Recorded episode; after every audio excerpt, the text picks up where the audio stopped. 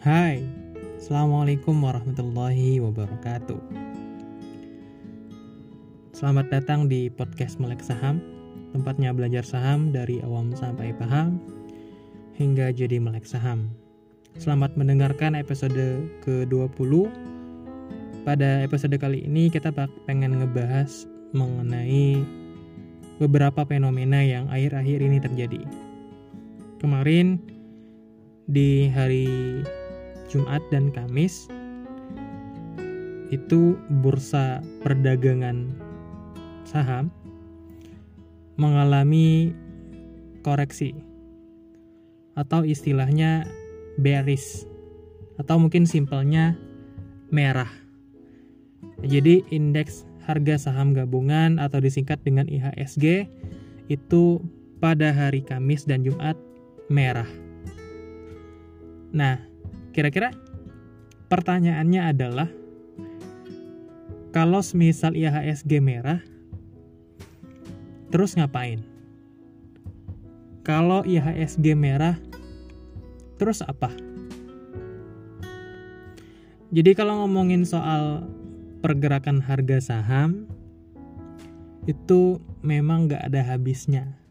Termasuk ini saat kita ngomongin IHSG lagi merah-merahnya. Oke, terkait pertanyaan yang tadi gue lontarkan, sebenarnya jawabannya itu macam-macam. Bahkan jawabannya itu cenderung bertolak belakang satu sama lain. Jadi pertama kali yang harus kita tanyakan ulang adalah kalau semisal harga saham itu merah, kalau misal harga IHSG itu merah, kira-kira kenapa? Nah, ini dibagi ke dalam dua sudut pandang.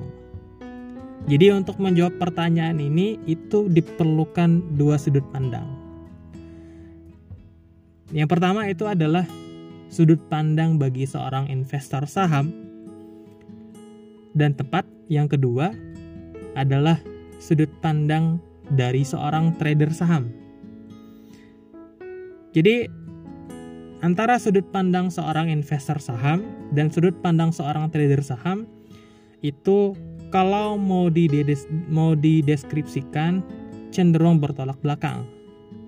Tentu karena memang mereka agak bertolak belakang, jawaban dari permasalahan yang tadi itu juga pasti beda. Nah, dari sudut pandang seorang investor saham, ketika IHSG lagi merah, justru sebenarnya itulah waktu yang tepat untuk nambah muatan. Justru itulah waktunya tepat untuk serok. Justru itulah waktunya sempat untuk kita beli saham dengan harga yang murah. Karena ketika IHSG lagi merah, karena ketika saham lagi nurun, kan otomatis harganya jadi lebih murah dong. Nah, inilah semacam bonus, semacam kesempatan bagi seorang investor untuk menambah muatan saham-saham yang jadi koleksian untuk diinvestasikan. Jadi kata kuncinya di sini adalah bagi seorang investor saham justru IHSG lagi merah itu adalah waktu terbaik untuk kembali nambah muatan. Jadi kalau dibilang seneng apa enggak ketika IHSG lagi merah, ya seneng dong. Orang kita bisa beli harga dengan beli beli saham dengan harga murah. Itu. Nah, sedangkan dari sudut pandang seorang trader saham justru sebaliknya jadi ketika IHSG lagi merah, inilah sebenarnya salah satu hal yang tidak kita inginkan. Bagi seorang trader saham, kalau bisa, ya IHSG itu selalu hijau, selalu naik, selalu bullish. Nah, saat-saat IHSG lagi merah, ada beberapa hal yang mungkin bisa lo lakuin. Yang pertama itu adalah wait and see.